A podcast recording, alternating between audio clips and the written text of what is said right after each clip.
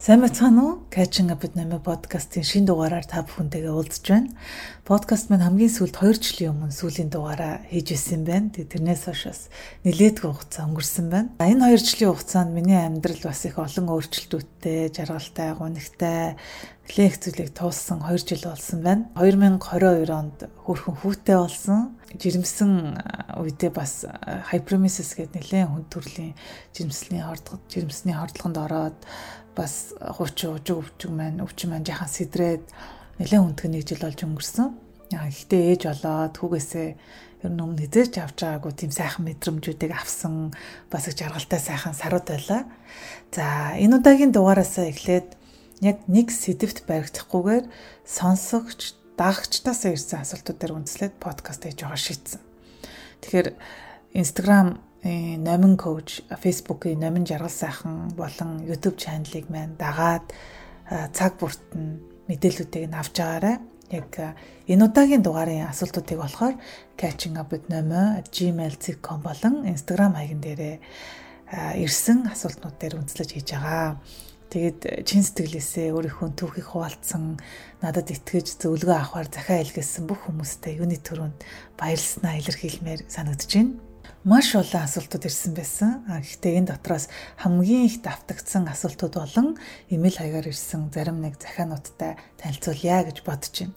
Аа тэгээд нууцл хамгаалах үүднээс хэрвээ би ямар нэгэн нэр юм уу, оноос нэр, байршлын нэр одоо хэлэх юм бол аа эдгээр нэрнүүдийг маань өөрчилсөн байгаа шүү гэдгийг бас анхаараарай. А мөн тухайн хүмүүсийн бичсэн зүйлсийг утга агуулгыг нь алдагдуулахгүй хүнээс ямар нэгэн байдлаар эдит хийхийг хүсээгүй. Тэгэхээр аль болохыг байгаагаар нь та бүхэндээ танилцуулж уншихыг хичээлээ.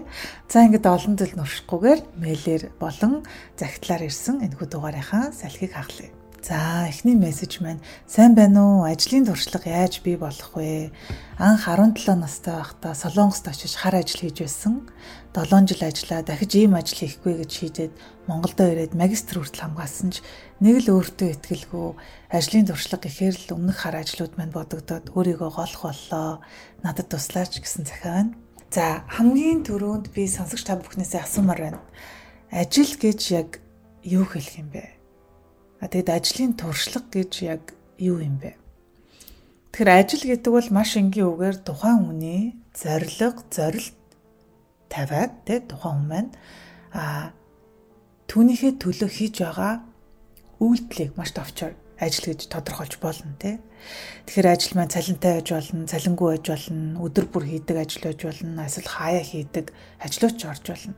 Тэгэхээр хар ажил гэдэг тодорхойлолтоор өөрийгөө голох бол ямар ч үндэслэл байхгүй. Энэ өгүүлбэрүүдийг уншаад асуудлын яг нэлээд гол цөм хэсэг нь болохоор хийжсэн ажлаа өөрөө өөртөө үнэлэх үнэлэмж нь өөртөө итгэл дээр асуудал байгаа болов уу гэж надад мэдрэгдэж байна. Тэгэхээр чиний хийж буй ажил чинь магадгүй чиний хийхийг хүсдэг ажил биш байж болно те. Эсвэл чиний мөрөөдлийн ажил биш байж болно. За чи ажилдаа дургу байж болно. За магадгүй өөрийнхөө одоо сурсан мэдсэнийг ашиглахгүй өөр зүйл хийж ч болно.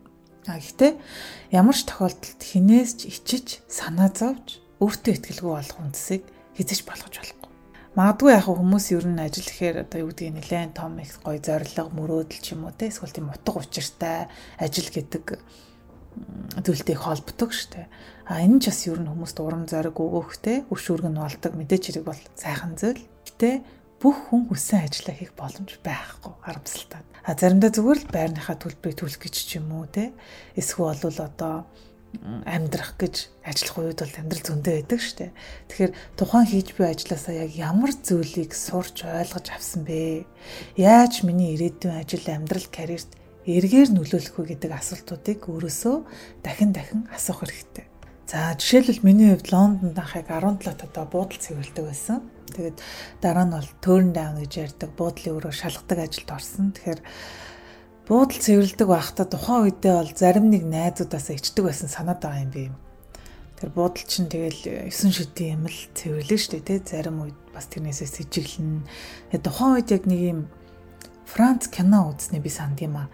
Яг нэрийг нь бол сайн санахгүй. Гэхдээ яг тэр кинон дээр болохоор ямар ч ажил хийсэн, ер нь амьдралдаа ямар ч алдаад алдаа хийсэн бай. Тухайн чиний хийж бүтээсэн бүх зүйл чинь чамд ямар нэгэн байдлаар ерөн сургамж болдог, ямар нэгэн байдлаар хичээл заадаг гэсэн л утгатай кино байсан. Тэгэхээр би тэр киног үзээд бол за ер нь бол ажилласаа хийчих хэсгүй юм байна. Бага байдлаасаа хийчих хэсгүй юм байна гэдэг тийм мэдрэмжийг нэлээд гүн хэмжээнд авсан л та. Тэгээд тэрнээс хойш бол би буудалд одоо цэвэрлэгч хийдэг гэл найзуудтаач тэр таньдаг хүмүүстэй ч тэр санаа зовхгүйгээр хэлж чаддаг болцсон байсан. Тэр эргээд харахаар би яг тэнд ажилласнаасаа үүдээд амьдралдаа асар олон зүйлийг сурч авсан юм шиг санагдсан. Тэгэхээр жишээлбэл одоо ян зүрийн ааш авартай хүмүүстэй ажиллаж байгаа юм тий. За цагийн менежмент байна. Нэг цаас өгөөл төр чинь хідэн цагийн дотор хэдэн өрөө цэвэр линк тэг гэж бичсэн байгаа шүү. Тэгэхээр яаж цагаа зохицуулах уу? Яаж энэ одоо 5 6 цагтаа энэ өрөөнүүдэд дуусгах уу гэдэг чинь тэр чигээр цагийн менежмент явагдаад байгаа байхгүй юу? За тэгэл харилцааны чадвар сайжрна гэх мэт те. Хэрвээ би яг одоо эргээд 17 насн дээр эргээд очисон бол магадгүй тухайн ажиллаж исэн газараа илүү тийм жаргалтайгаар сонирч байдлаар судлах байсан юм шиг санагддаг. Ер нь 5 одтой буудлууд яаж өрөө тохиолдгийг Тэгэл одоо олон хүмүүсийг ажилуулдаг тийм одоо 5 одтой сервис индастригийн менежерүүд нь яадаг юм байна? Хүмүүсээ яаж удирддаг юм байна ч юм уу. Тийм ажиглалт хийж ямар ч ажил хийж байсан тухайн ажилдаа тийм сониуч байх бол асар их ач холбогдолтой гэж бол би бодож байна. Тэгэхээр ямар ч ажлаас сурч мэдэх зүйл их байдаг. За энэ захиа явуулсан хүний тохиолдол болохоор Солонгост ажиллаж байхдаа яг ямар ямар зүйлүүд сурсан юм бэ? ямар зүйл сурч мэдсэн бэ? Ямар туршлага хөндлөсөн бэ гэдгээ сайн бодож олох хэрэгтэй. Хүмүүс яг нэг юм байгууллага компанид ажилласан гэхээр л ажлын туршлага тэгээ зөөгч, цэвэрлэг, чүүхэд асрагч хийж байсан болохоор ажлын туршлага биш ээ гэж боддог нь бол хамгийн том эндүрл. Хэрвээ буудалд ажилладаг байсан бол жишээлбэл би одоо сервис индустрид ажилладаг те 7 жил ажилласан ойролцоогоор одоо хэд орчим хүмүүстэй өдөр тутамдаа харилцдаг байсан. Харилцааны чадвар маань ингэж сайжирсан тий. За одоо цагийн сайн зохион байгуулалттай байхыг шаарддаг байсан гэх мэтлэн өөрийн хийсэн тэр ажлаа илүү боддоор үнэлээд хавас бусад хүмүүсээр үнэлүүлэхэд суралцах хэрэгтэй. Өөрийнхөө үгэн дээр хүртэл юу н анхааруул зүгээр би хар ажил хийдэг байсан. Би туршлагагүй байсан. Биш би 7 жил ийм ийм зүйлийг сурч ийм ийм туршлага хуримтлуулсан гэдгээр нь харах өнцгөө өөрчлөх нь хамгийн чухал. Тэр одоо дөнгөж 24 настай юм шүү дээ. Хүсэл мөрөөдөл их хүн тэр карьер, тэр ажилдаа ороход ер нь орно гэдэгт бол би эргэлзэхгүй байна. Амжилт хүсье. За дараагийн асуулт маань ажил амьдралаа хэрхэн тэнцвэртэйгээр зохицуулах вэ? За энэ асуулт бол хамгийн их ирсэн асуулт байсан. Ажил амьдралын тэнцвэр гэж юу нь яг юу юм бэ?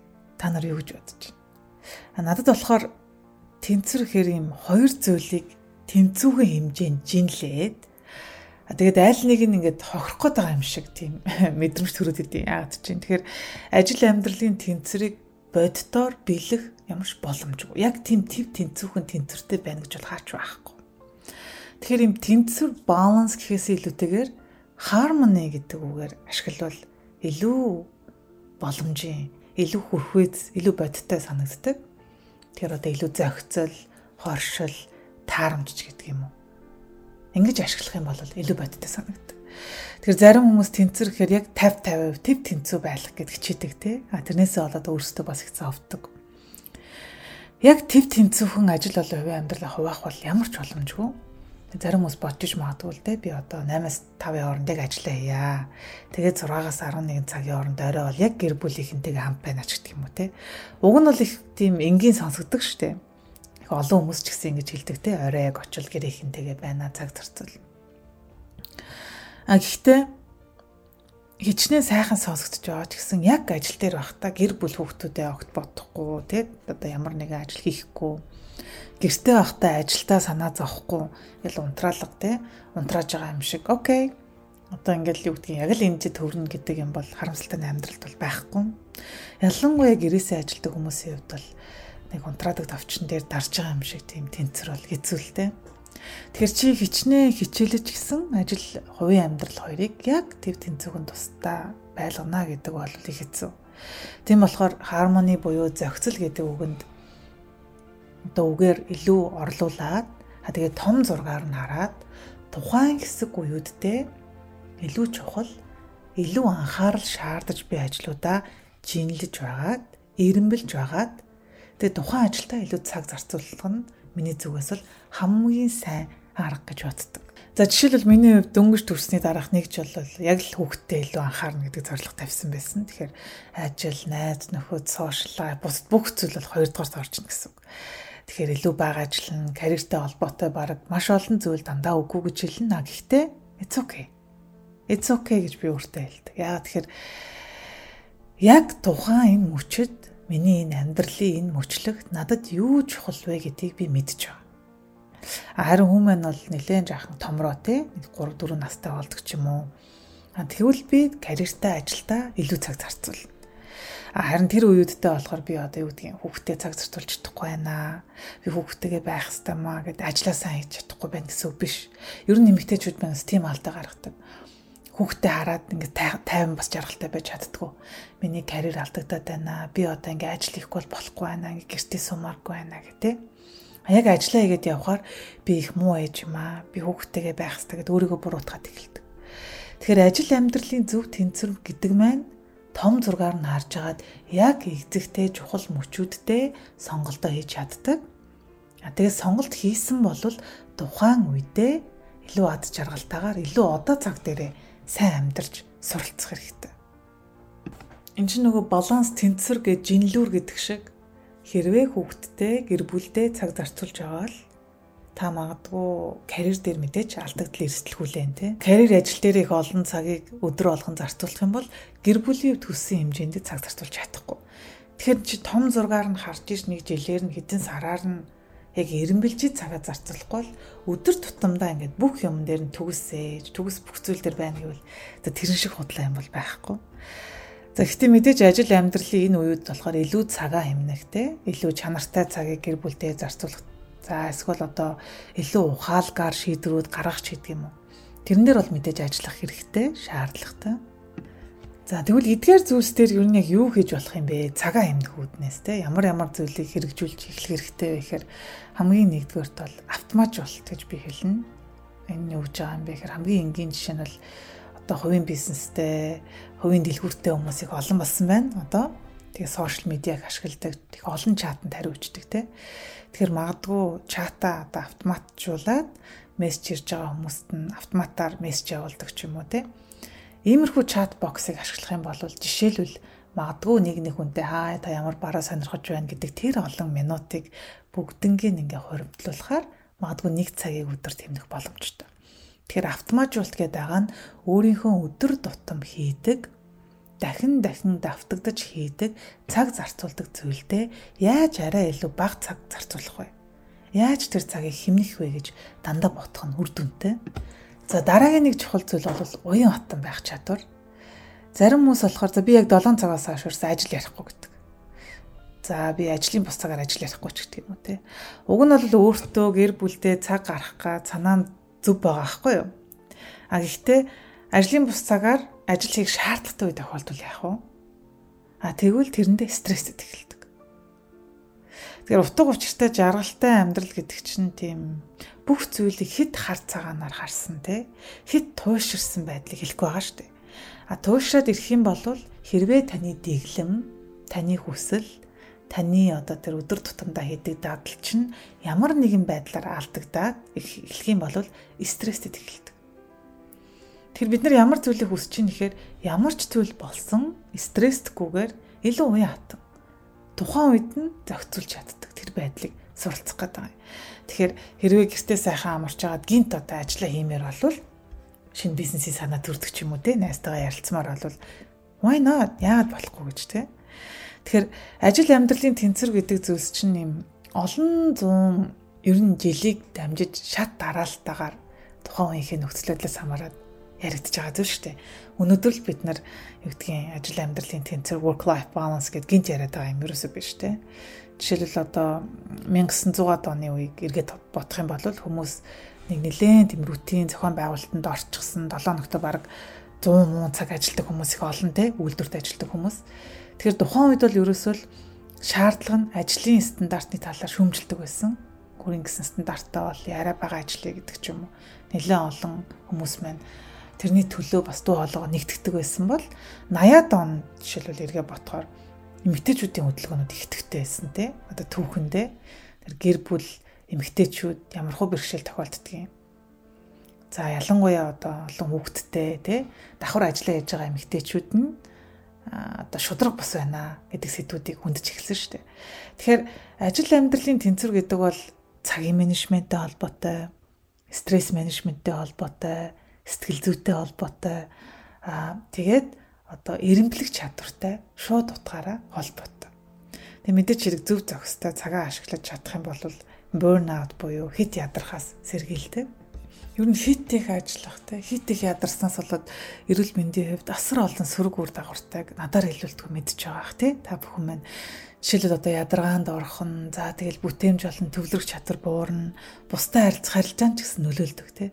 Тэгвэл энэ жил амьдралынхаа тэнцвэрийг сайжруулахад яг яах хэрэгтэй вэ гэдэг дээр хэдүүлээ ярил ярилцъя за хамгийн эхлээд бол бясалгал хий гэж би зөвлөмөр байна Ер нь одоо бясалгал, бясалгал, mindfulness гэл одоо маш олон энэ тэмдгүүд та нар маань сонсож байгаа. Гэхдээ энэ үнэхээр үнэн учраас хүмүүс ингэж яриад байгаа юм. Бясалгал бол зүгээр нэг стресс бууруулах те зүгээр нэг тайвшрах зүйл бол биш. Таны төвлөрөх чадрыг сайжруулна те таны одоо сэтгэл зүйн эрүүл мэндэд асар өндөр ач холбогдолтой.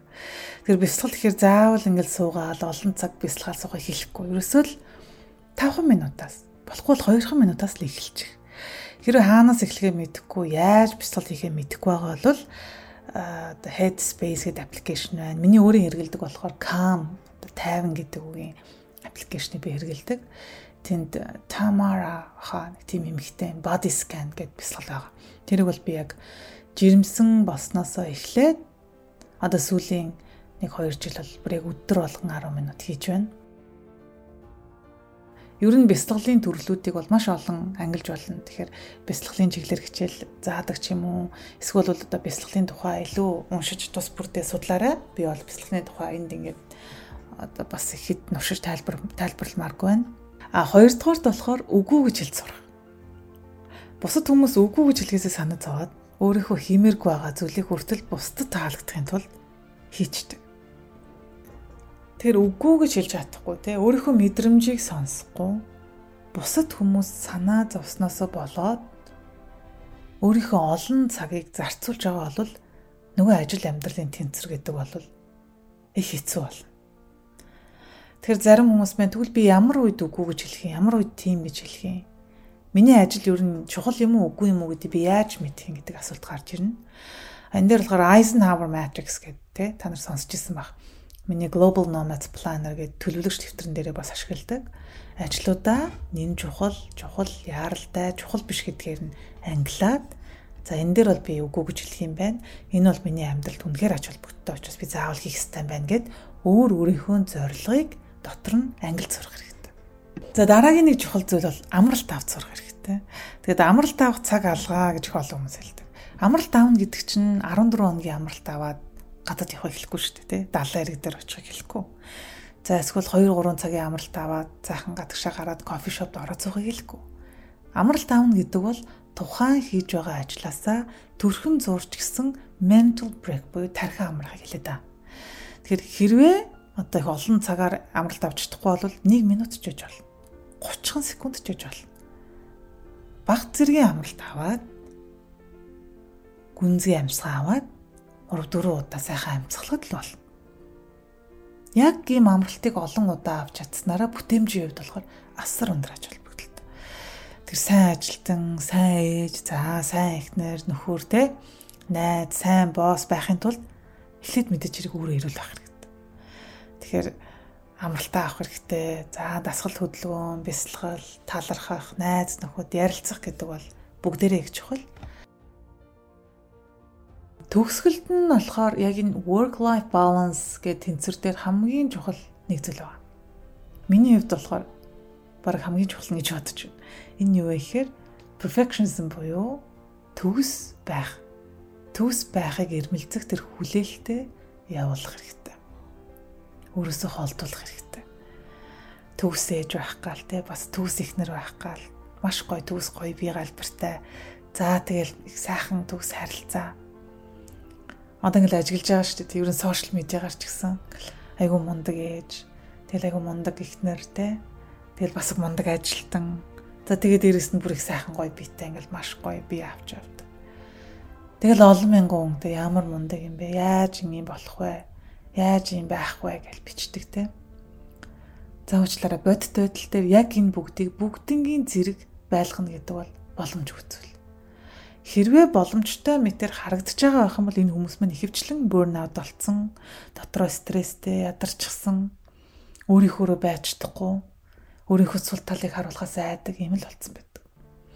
Тэгэхээр өөрийнхөө хүлээлтийг багасгаад төгс байх, perfect байх гэдэг тэр тэр хатуу хүлээлтийг өөрөөсөө жаахан чөлөөлөд явуулчих юм бол ажил амьдралын тэнцвэр гэдэг дээр илүү сайхан, илүү бүтээмжтэйгээр ярилцаж болно. За дараагийн захиан маань catching up with namad gmail.com хаягаар ирсэн захиан.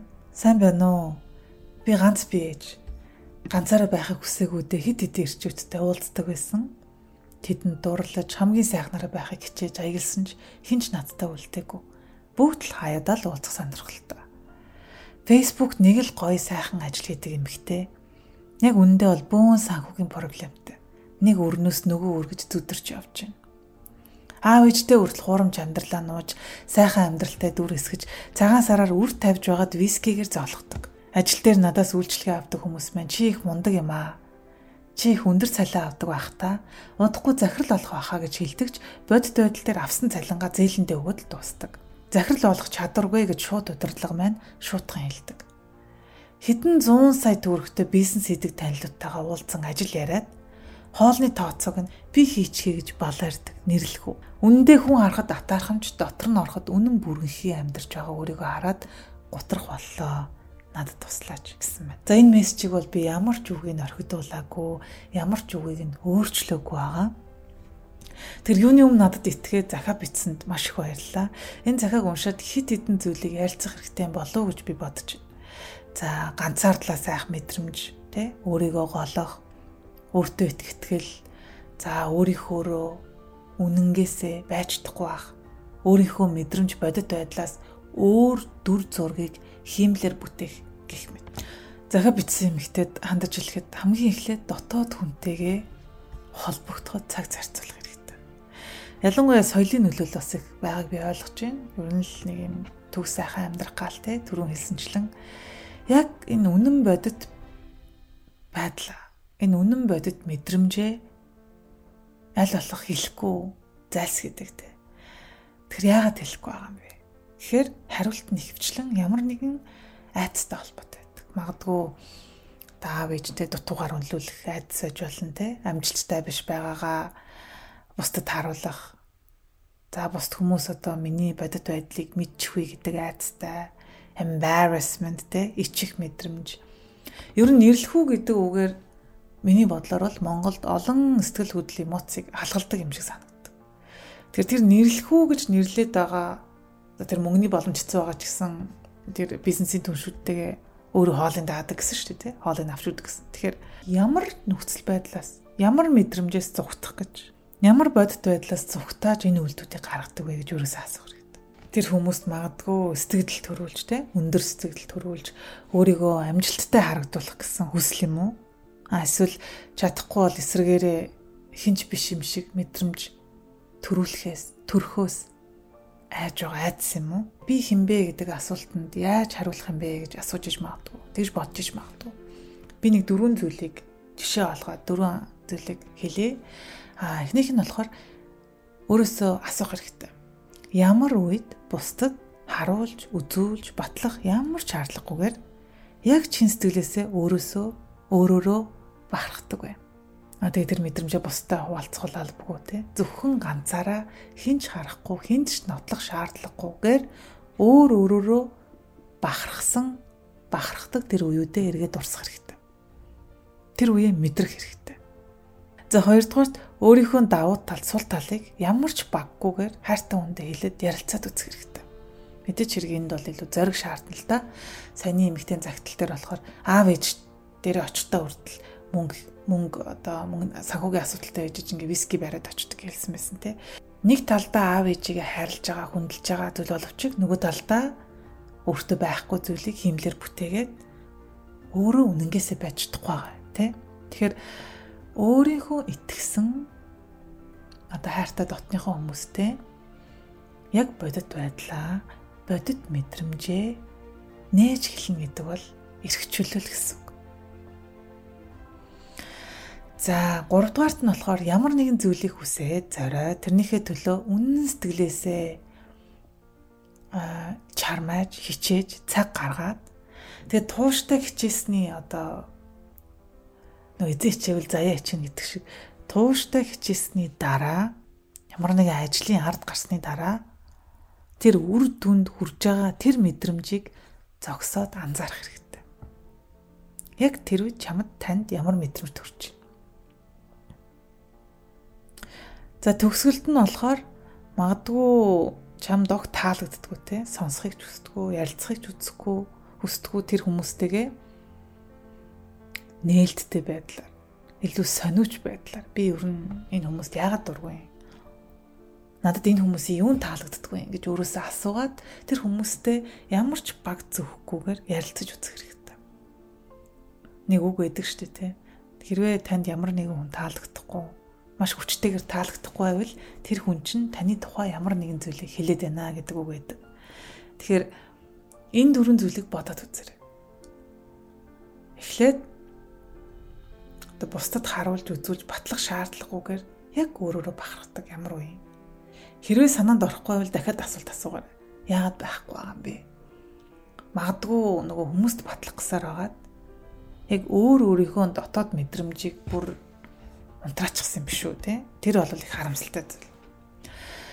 Аа за харин үүний дараа болохоор худлаа хэлэх одоо өөрийнхөө байхгүй зүйлийг байгаа мэд дүрсэх нь удаан хугацаанд чамд ямар хор уршиг гунгийг авчих вэ гэж өөрөөсөө асуугаад нэг үзээрэй ямар зүйлс хийсний дараа чи өөрөөрөө бахардггүй те? Харин ч илүү юм small жижигэн болцсон юм шиг санагддаг. Жижигэн гэдэг нь өөртөө сэтгэл дундуур. Өөрөөрөө бахардггүй уйтгартай өөртөө тааламжгүй тийм тухгүй мэдрэмж төрдөг бай. Жишээлбэл одоо өөрөө санхүүгийн юмд хэцүү байж ийж нөгөө бизнесийн түншүүдийг хоолнд хоолныхоо төлбөрийг төлждөг гэсэн шүү дээ тий. Яг ингээд энэ уулз дуусны дараа how do you feel? Ямар мэдрэмж төрж байна?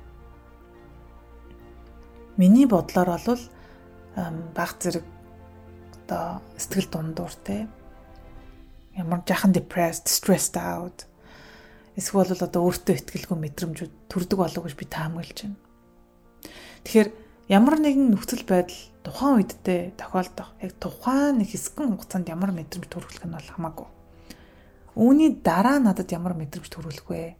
Тэр мэдрэмжэндээ би өөртөө тэр мэдрэмжэндээ би дуртай баймаар байна. Гэт бодох юм бол илүү өөр үйлдэл хүнээс гарч эхэлдэг. Жишээлбэл би хайртай хүнтэйгээ ярилцсны дараа би feel good болмоор байна те. Өөртөө ихтэй мэдрэмжийг аммаар байна. Илүү тайван амар амгалан мэдэрмээр байна гэх юм бол магадгүй хичнээн тухгүй байсан ч гэсэн хичнээн хэцүү байсан ч гэсэн үнэн сэтгэлээсээ бодит байдлаа нуухгүйгээр ярилцаж үзэх. За сонсогчтойгоо илүү ойрхон байх үүднээс би бас өөрийнхөө нэг жишээг хуваалцъя гэж бодож байна. Тэгээд би өмнө нь бол энэ минерийн өвчин гэдэг толгой иргэдэг хаяа тий хаяа жигт үл ирдэг энэ жигт дуурдаг энэ өвчнөө бус хүмүүсээс их нуудаг байсан. Ялангуяа найз нөхөд хамт ажилладаг хүмүүсээс одоо эргээ ботхоор их олон жилийн өмнө л дөө. Яагаад би ингэж нуудаг байсан бэ гэж ботхоор хүмүүс юу гэж ярих бол те? Одоо Монголд ч нэг юм соёлын бас аав ээжийн нөлөөлбөл байдаг. Хүнд муугаа үзүүлэхгүй ч гэдэг юм уу те? Эсвэл Монголд одоо өө өвчтэй юм гинлээ. Толгойн нэг асуудалтай гэсэн гэл хүмүүс одоо буруу зүргээр ойлгоол ингээл ярилцдаг штэ тий хам хатан саднууд ч юм за эсвэл одоо би ажилд орохгүй бол яах вэ ажилд амаг авахгүй бол яах вэ гэдэг юм Тэгэхээр энэ мэтчлэн ийм олон айцтайгаасаа болоод ингээд толгоо эргээд бүр ингээд бөөлчгөөд аюу хэцүү байсан ч гэсэн хүмүүсийн өмнө ийм ирүүл байгаа юм шиг ингээд инээгээл те. Тэгэл баг 0 руу гүйж орж бөөлжвол тийм үед над их байсан. Тэгээ эргээд энэ үеийг ботхоор надад ямар мэдрэмжүүд төрж ийн гэхээр ерөөсөө л шаналл, зовох, ийм хичээсэн, хит хичээсэн, эсвэл ийм тарчилсан мэдрэмж төрж байгаа байхгүй юу? Аа яг энэ асуудлаа нээлттэйгэр хүмүүстэй ярилцсанаар надад бол баг жинхэнэ эргчүүлэг мэдэрсэн. Ямар ч хүнээс хинээс ч айжчихгүйгээр энэ бол миний асуудал те. This is my thing. Надад яагаад энэ нээлттэй ярилцах хэрэгтэй юм бэ гэдгийг би юунаас илүү ойлгож авсан бэ гэхээр яг сэтгэл зүгээр сурж эхлээд ойлгосон л та. Ер нь одоо өөр өөртөө хэлдэг affirmation гэдэг. Өөр өөртөө энэ хэлдэг энэ үгнүүд маань асар их чухал юм байна. Би өөрийн гэсэн өөртөө хэлдэг юм үгтэй өөрийгөө зоригдуул зориг зоригжуулдаг, сэтэлжүүлдэг юм үгийг олё гэж бодсон. Би ямар үгийг сонгож авсан бэ гэхээр англиар бол everybody has a thing and this is my thing. Тэр хүн болго өөр өөрийн гэсэн нэг юм зүйлтэй одоо хэцүү бэрхшээлтэй хүн болгонд л нэг зовлон байгаа шүү дээ тий. Хүн болгон өөр өөрийн гэсэн зовлонтой. А энэ бол миний л зовлон, миний л нэг юмтай гэж өөртөө хэлдэг. Тэгэхээр би бол everybody has a thing and this is my thing гэж хэлэх дотроо хэлэхдүүдэд надад бол их зориг ордог. А бас нэг өгүүлбэр нь би өөртөө ямар өгүүлбэр хэлдэг вэ гэхээр одоо энэ миний энэ минийрийн өвчин те надад тохиолдож байгаа энэ зүйл болохоор энэ ч одоо миний контролд чадах зүйл биш. This is beyond my control ахгүй. Тэгэхээр би яагаад өөрийнхөө контролдож чадахгүй байгаа зүйл дээр зовж шаналж feel bad болох хэвээр юм бэ? Шудраг босоогоо ахгүй тий. Би одоо ингээд би толгой эргмээр байна. Би ингмээр байна гэд би болчоогүй шүү дээ. Би хичээгээд би одоо эрүүл баймаар байна. Би ийм баймаар байна гэд хүсээд бодоод ах чинь цаанаасаа миний толгойг эрүүлээд хагаад Тэрэн дээрээ бүр нэмээд хүмүүст яаж харагдах уу ингээ бодоо явчих юм бол эн чинь би баг буруут нь болох гэдэг. Эн чинь надаас шалтгааллахгүй зүйл дээр би яа цавах хэвтэй. Энэ үгийг би өөртөө хэлэхээр надад маш их хүч ордог. Тэгэхээр аз болж би төрсний дараа нөгөө толгой эргэлт маань дахиад одоо зүгээр болсон. А гэхдээ ер нь ингээ хэцүү зүйл болох юм бол би яг юм өөртөө хэлдэг үгтэй Тэгээ өөртөө хэлдэг үг гэхэр хүмүүс бусдын үгийг хүлээж аваад. Одоо зарим коуч ч гэдэм үү ингээл амьдралын коуч одоо янз бүрийн хүмүүс гарч ирсэн байна те. Тэр хүмүүс ингээл хэлдэг штэ. Инг тэг энэ үгийг өөртөө хийлгээл те. Тухайн хүнд мэдрэмж төрүүлж байгаа үг зарим хүмүүст бол ерөөсөн наалтахгүй штэ. Тэр би одоо та нарт энэ энэ үгнүүдийг хэлээрэй гэх юм бол ямар ч үр ашиггүй. Тэгэхээр сонсож байгаа сонсогчд маань өөрөө өөрийн гэсэн тэр үг өгүүлбэрийг бүтээх хэрэгтэй. Яг тэр үг өгүүлбэрийг хэлэх төдий таны доторх хүн чинь сонсоод мэдрээд би организм чинь шууд мэдрэх мэдэрдэг угаасаа. Тэр үгийг өөрийнхөө хэцүү үеүдэд хэлдэг. Тийм үгийг одоо өнөөдрөөс эхлээд бодож олоорой. Цаг хугацаа зарцуулаарай гэж бас би зөвлөе. За ингээд өнөөдрийнхөө подкастыг дуусгая их товчхон подкаст болж ах шиг байна. А гэтээ одоо нөгөө хүүгээ төрүүлснээс хойш хуучин шиг ингээл олон цаг суугаал олон цагаар яриад одоо подкаст их боломж яг үндэ бүрдэхгүй байна. Нэг суухта одоо хүүгээ унтуулчаад одоо яг босто хотод шөнийн 11 цаг болж байна. Тэгэхээр одоо нэг 20 30 минут л байна. Тэгэхээр их богинохон товчхон подкаст хийлээ. Гэтэ ирээдүйд айл болох одоо ойр ойрхон подкастуудаа хийнэ гэж бас би өөрийнхөө хэмжээнд хичээхээ амлаж байна. Тэгээд сүүлийн асуулт болохоор коучингийн холбогдлолтой надаас маш олон хүмүүс асуулт суусан байсан. Яаж коучинг авахгүй, коучингийн талаар мэдээлэл өгөөч гэгээд таны коучингийн талаар баримтлагдаг зарчим юу вэ гэсэн асуултууд бас ирсэн байсан. Тэгэхээр баримтлагдаг зарчим үл яг хөө мэдээж коуч талаасаа олон улсын коучинг байгууллагынхаа сэтгэл судлал талаасаа Америкийн сэтгэл судлалын хүрээлэнгийнхаа ёс зүйн дүрмийг бол хатуу баримтлана. А зөвхөн хувийн талаасаа бол хамгийн чухал өөртөө тавьдаг зүйл юу вэ гэвэл тухайн үйлчлэгээ авч байгаа клиент хүнийгээ хүндлээд ямар ч тохиолдолд өөрийн бодлоо тулахгүй байх. Ямар ч тохиолдолд шүүмжлэхгүй байх. А тэгээ ямар ч тохиолдолд тухайн хүнээ тухгүй байлгахгүй байх гэдэг дээр би анхаардаг.